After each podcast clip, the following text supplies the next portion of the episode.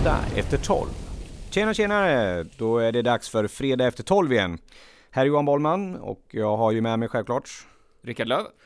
Och det här är ju faktiskt vårt första avsnitt Rickard. Ja, eftersom introduktionsavsnittet inte är ett riktigt avsnitt. Nej, det Nej. var väl kan man säga test, test och se om det... Det är som en som pilot. Ja, en pilotavsnitt. Och det gick igenom. Ja, Ja, vi hade mål på 30 lyssningar och eh, det slog vi ju. Yes! Och nu, eftersom vi kör... nu, nu blev det mörkt där vi Ja, sitter. ljuset slocknar, skönt. Spännande. Mm.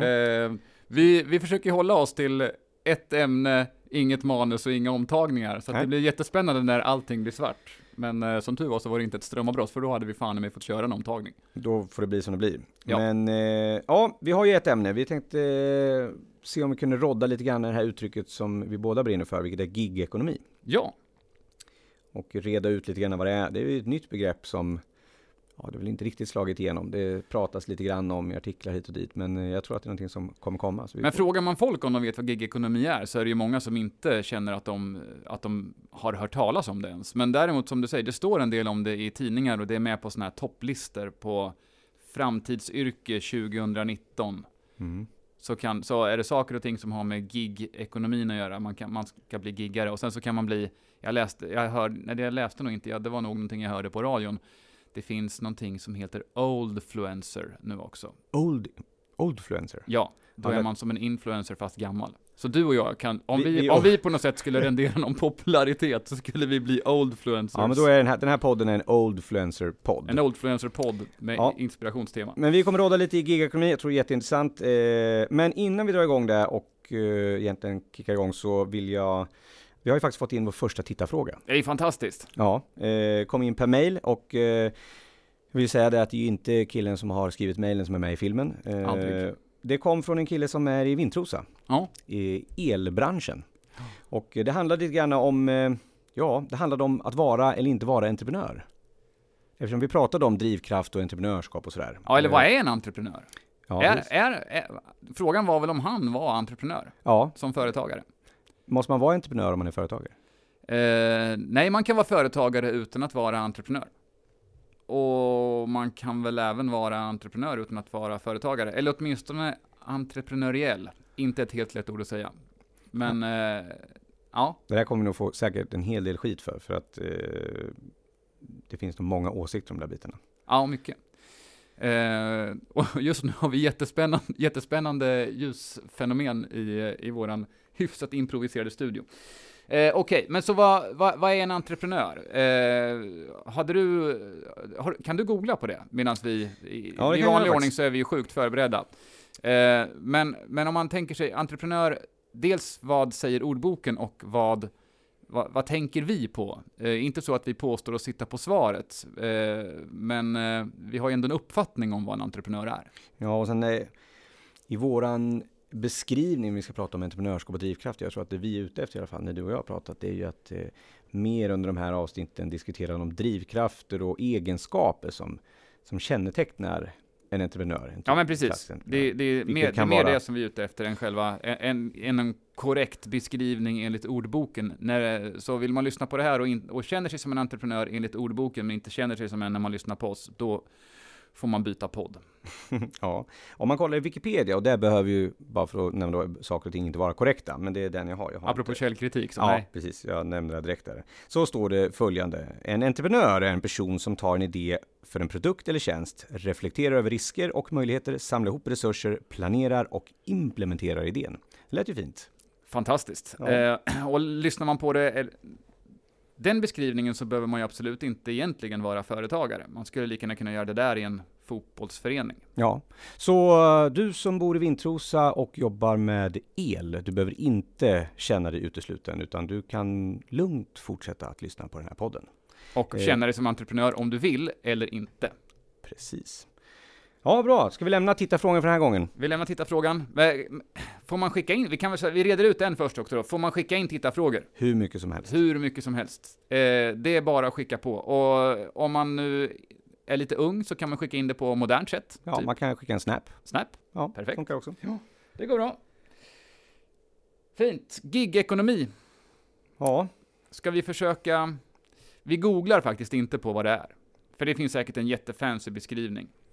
Ja. Men det finns åtminstone, som, när jag tänker på gigekonomi så tänker jag åtminstone på två, kanske fler, men jag, jag, kan, jag kan sträcka mig till två olika delar där den, det jag såg att de gjorde ett oroligt reportage om i eh, någon typ av tidning, säg att det kan ha varit Dagens Industri eller Dagens Nyheter, eh, så, så var det de här, alltså personer som jobbar som om de vore företagare. De hyr ut sig själva, fast utan att de har ett företag. Och där man går via en, eh, någon typ av sajt på nätet som helt enkelt ser till att man får in sociala avgifter och så vidare.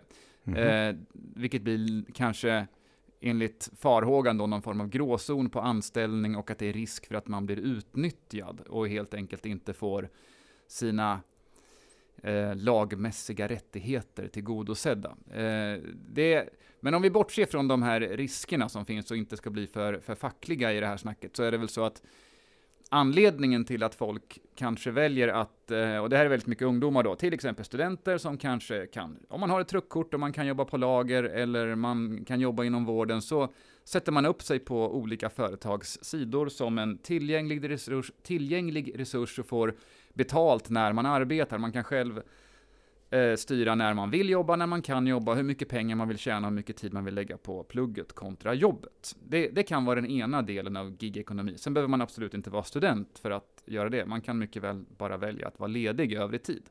Ja, men jag tror att det, ja, för många blandar ihop eller frågar liksom vad, om det är samma sak som att bara vara konsult, alltså konsulta, eh, om det är eh, enmansföretagare. Men jag tror tanken, grunden i själva den som kommer självklart från USA, det här uttrycket, att gigga, att göra tillfälliga uppdrag. Mm. Jag tror grunden i, för att gigga är just att kanske inte att vara konsult och jobba liksom 160 timmar i månaden utan just att ha kontroll över sitt eget arbete, sin egen tid och styra. Det är Mm. mycket mer. Att om jag är väldigt duktig på någonting, nu är jag väldigt duktig på digital marknadsföring och kommunikation, så kan jag ju välja hur jag vill egentligen eh, styra min tid.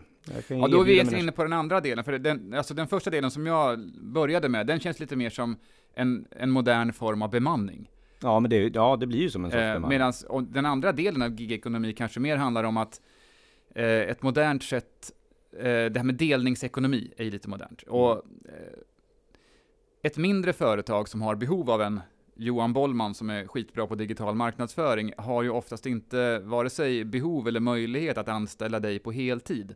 Du är heller inte så sugen på att jobba på det företaget på heltid, för det kommer för dig innebära att du får göra en massa andra saker som du inte är bra på.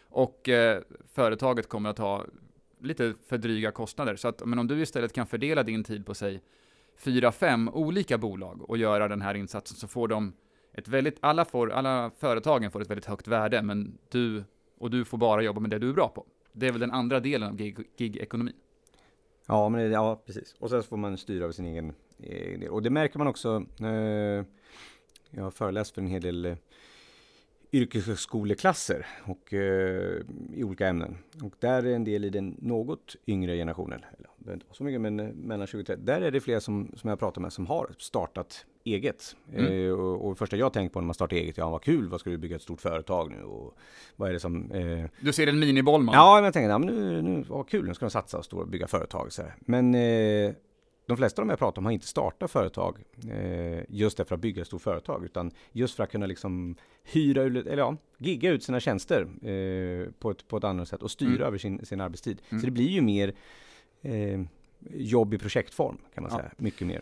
Vi kan väl säga att de som är, eh, ja, i den åldern då, att de är födda på sent, eller, eller på 90-talet och 2000-talet och börjar komma ut i näringslivet, de har ju kanske inte alls samma, samma värderingar och tankar runt arbete som, som eh, tidigare generationer och även, även vi är ju präglade av det som 70-talister såklart, men jag tror inte att guldklocka kommer vara något som de flesta som är födda på 00-talet kommer att ro hem. 25 Mm. år på samma, på samma ställe kommer nog att vara mer ovanligt än vanligt. Och går vi tillbaka till ja, våran föräldrageneration eller ytterligare en generation till så var väl det, om man inte fick guldklocka så var det ju, ja då hade man nästan gjort något fel.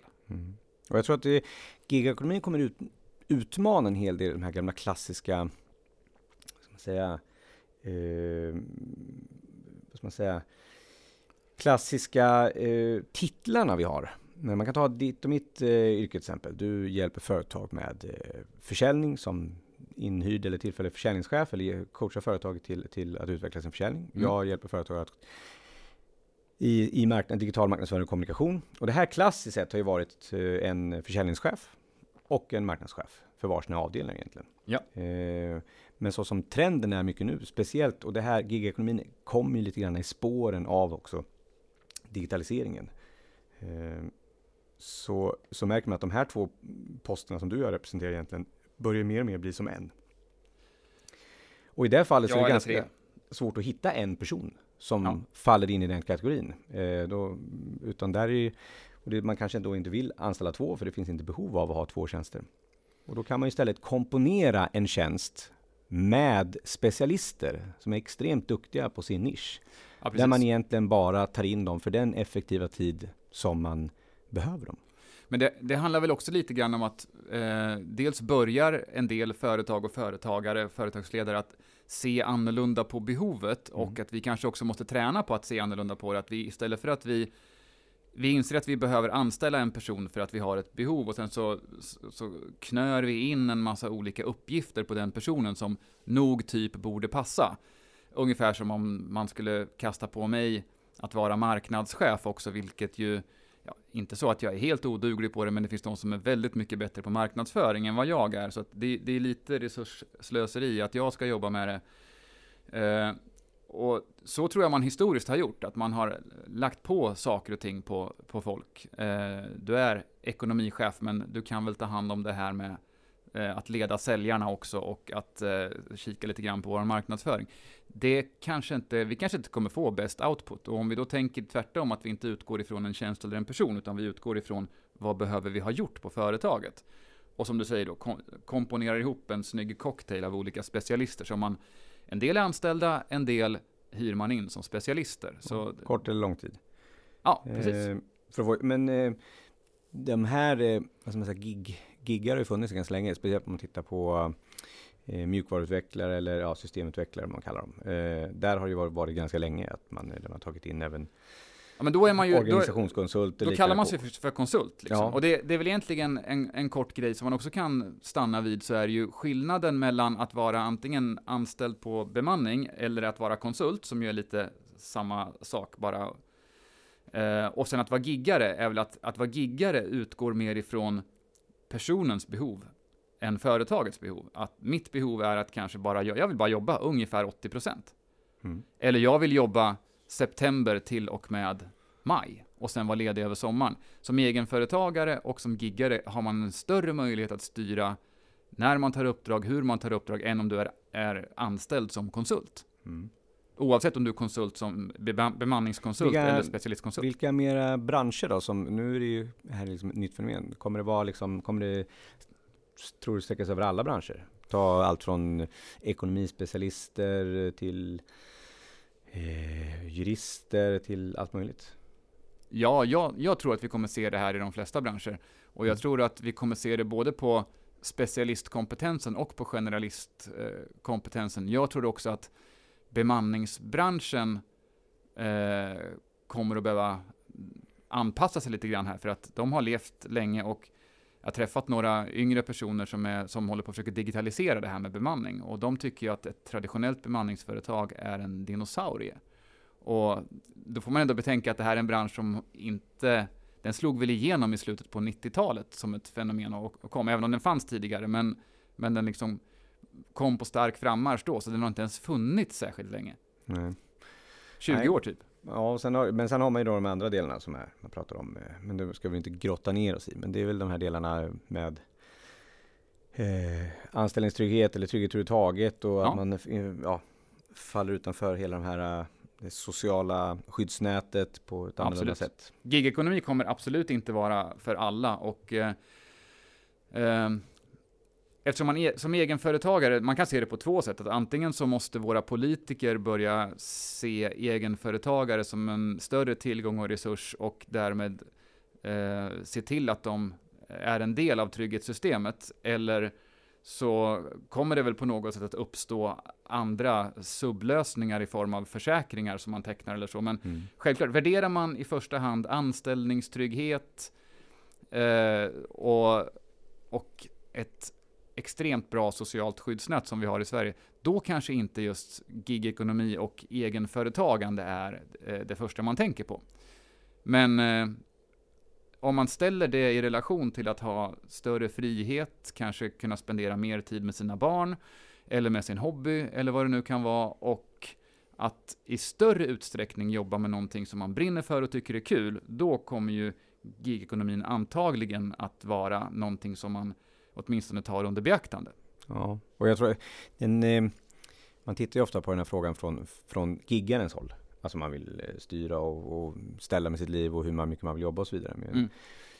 I min värld så är det här eh, någonting som är ett måste i den digitala värld vi lever i som utvecklas exponentiellt. Där, vi, mm. där förändringarna kommer i, i affärsvärlden mycket, mycket snabbare. Och då måste vi kunna göra mycket mer snabba omställningar. Vi behöver mm. specialistkompetens under kort tid för vi måste ta oss an ett nytt projekt eller utveckla vissa saker. Precis. Och med våra, måste säga då, gammaldags anställningsregler och med LAS och allt vad det innebär mm. i de delarna, så är det helt omöjligt. Det, blir, det är alldeles för stora risker. Det blir för, för trög, eh, ja, trögflytande för att kunna, liksom, kunna ändra så fort som man behöver. Så jag är helt övertygad om att det här kommer vara ett måste för företag att kunna ta in olika delar för att styra och ställa i sin verksamhet för att anpassa mot verkligheten som är. Precis, och lite grann så blir det väl också det om man kollar på eh, hur den svenska modellen kan, vad, hur jag tror att den kommer att förändras, så är det väl så att att jobba med att eh, sälja saker som finns överallt och som alla andra har och försöka tillverka, producera och göra den i Sverige rakt igenom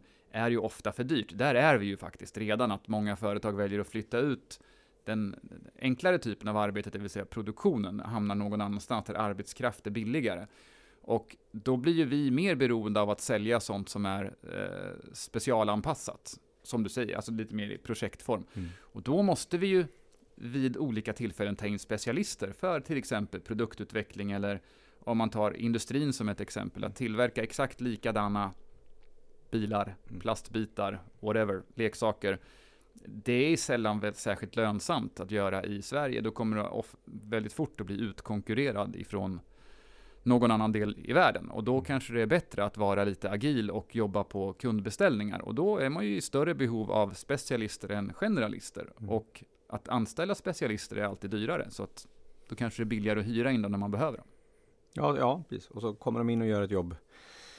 Eh, just då och nu och, och har egentligen inga krav på att eh, du som arbetsgivare ska stå för personlig utveckling, eh, motivation och annat. Nej, men det får man stå för själv istället. Ja, så man får en hel, det, och jag tänker också att det finns ofta marginal för det då. Om man blir egenföretagare så kan man ju också motivera ett högre pris än lön plus sociala avgifter på grund av att du också står för alla risker själv och tecknar eh, dina egna sjukförsäkringar, du håller med din egen dator och eh, dina egna terminalglasögon. Så att det, vi tar ju bort en del av eh, riskerna som det finns med anställning för en arbetsgivare om man pratar kostnadssida, alltså det är risker på kostnadssidan. Och då kommer vi in till en nästa, för den, den stora framtidsdelen här kommer vara, utan att vi går in för djupt den, är ju att där både, ju både när företagen nu börjar eh, hitta behoven för att ta in mer på projekt, tillfället, specialister och, och det finns fler och fler där ute som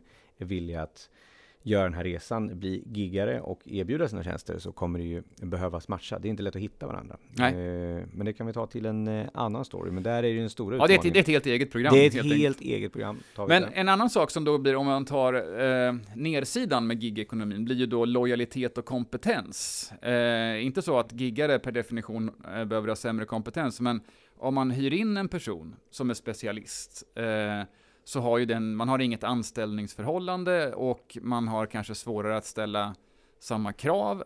Och vi har också då en, en risk att kompetensen går ur huset. Det är det som jag ofta möter när jag pratar om gigekonomi och vad jag tror. Eh, hur ser du på det?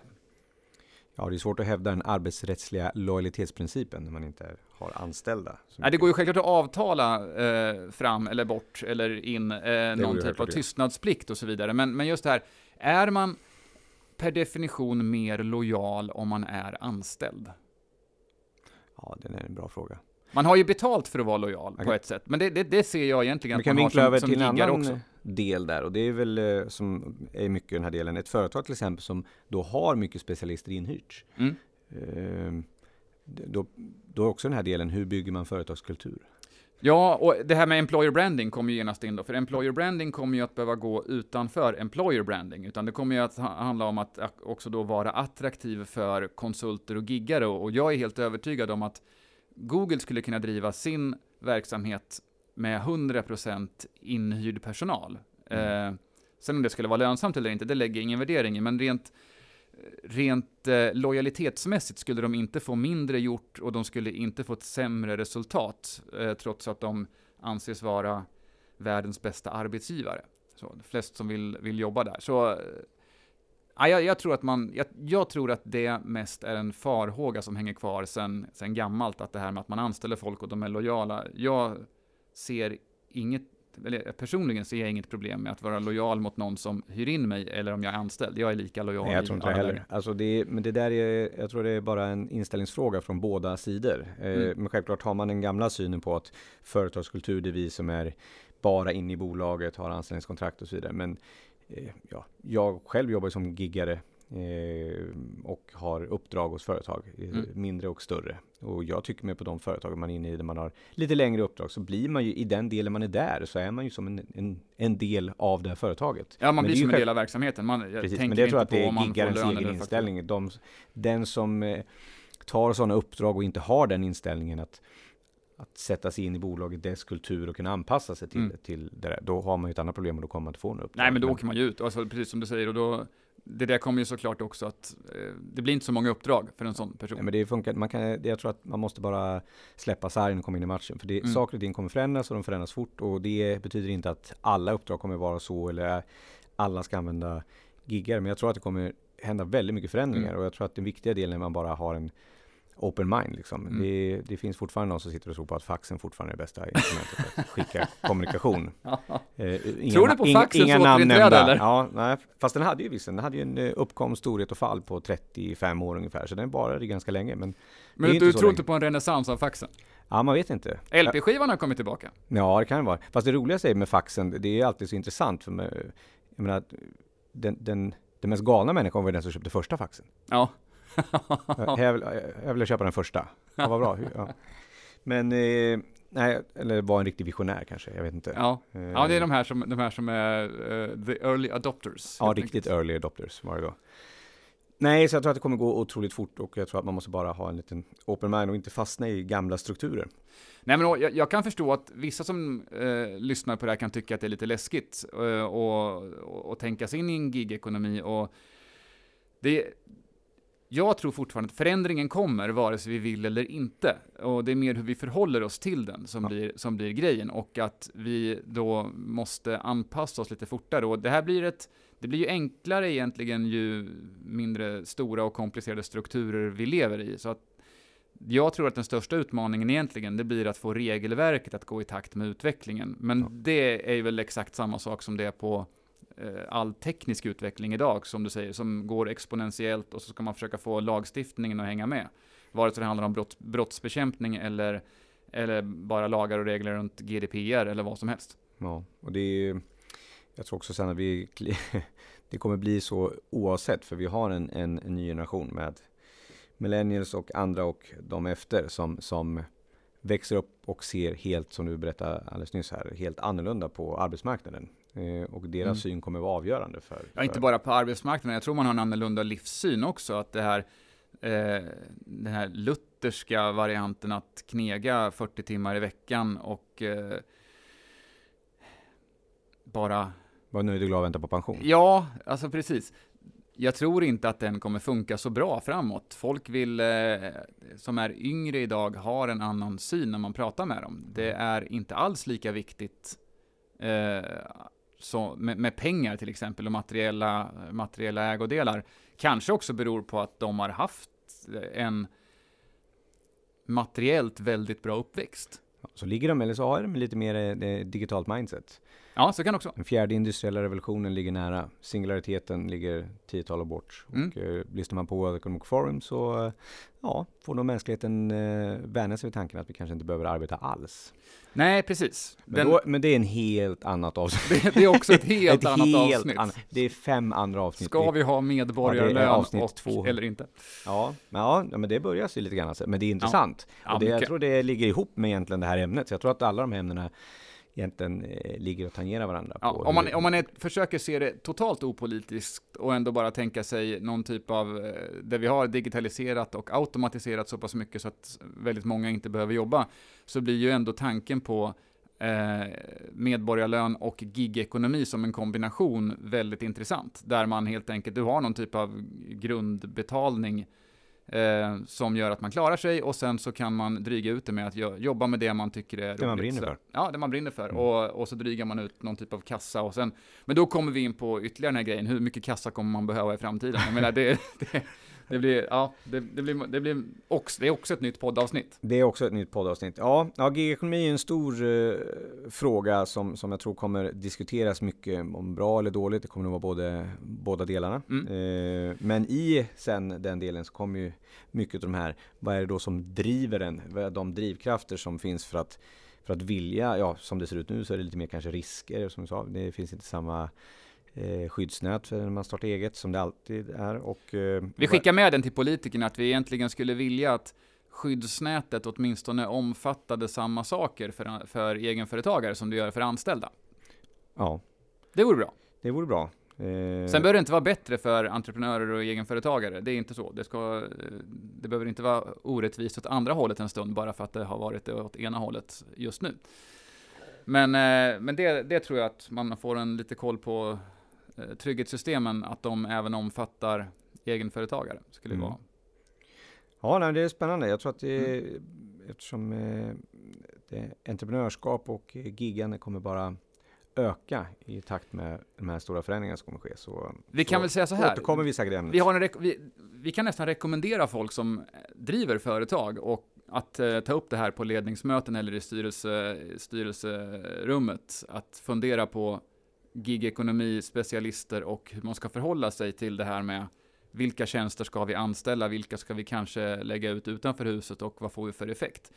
Jag tror också det här med att det traditionella som vi tänker oss när vi pratar att ta in folk är ju ändå att vi tar in folk och betalar dem per timme. Mm. Alltså tid är ju sjukt dålig måttstock på prestation.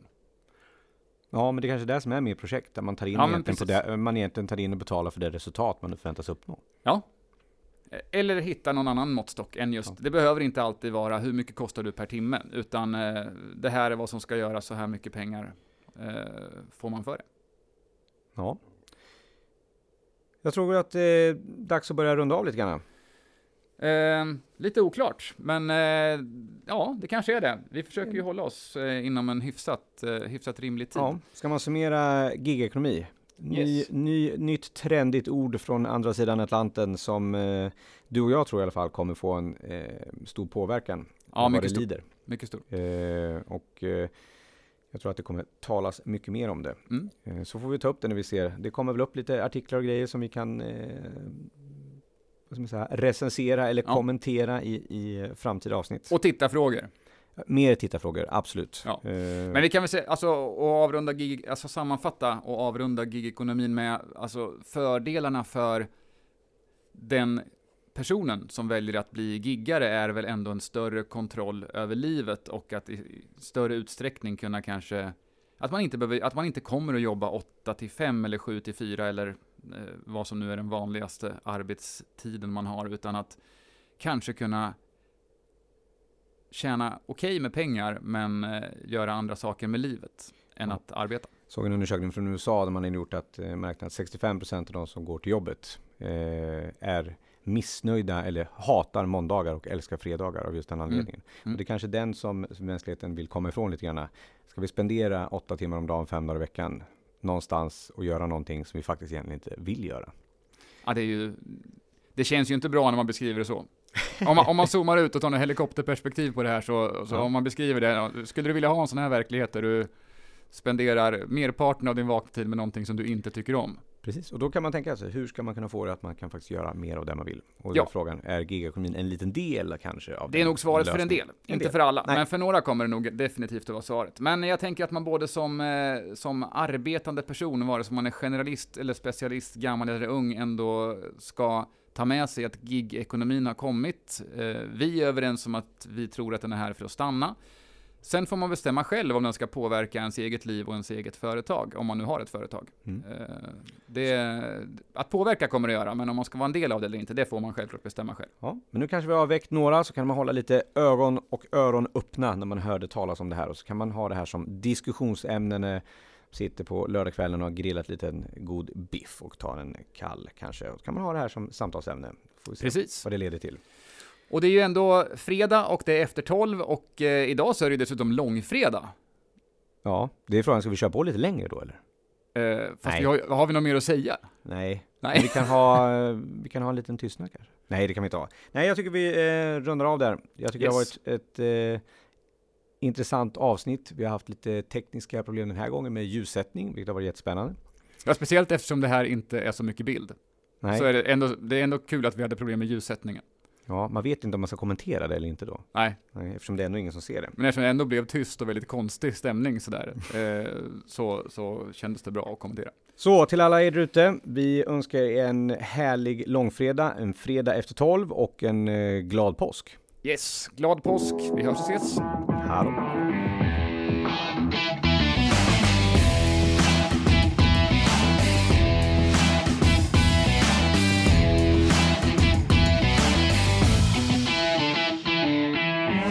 Fredag efter 12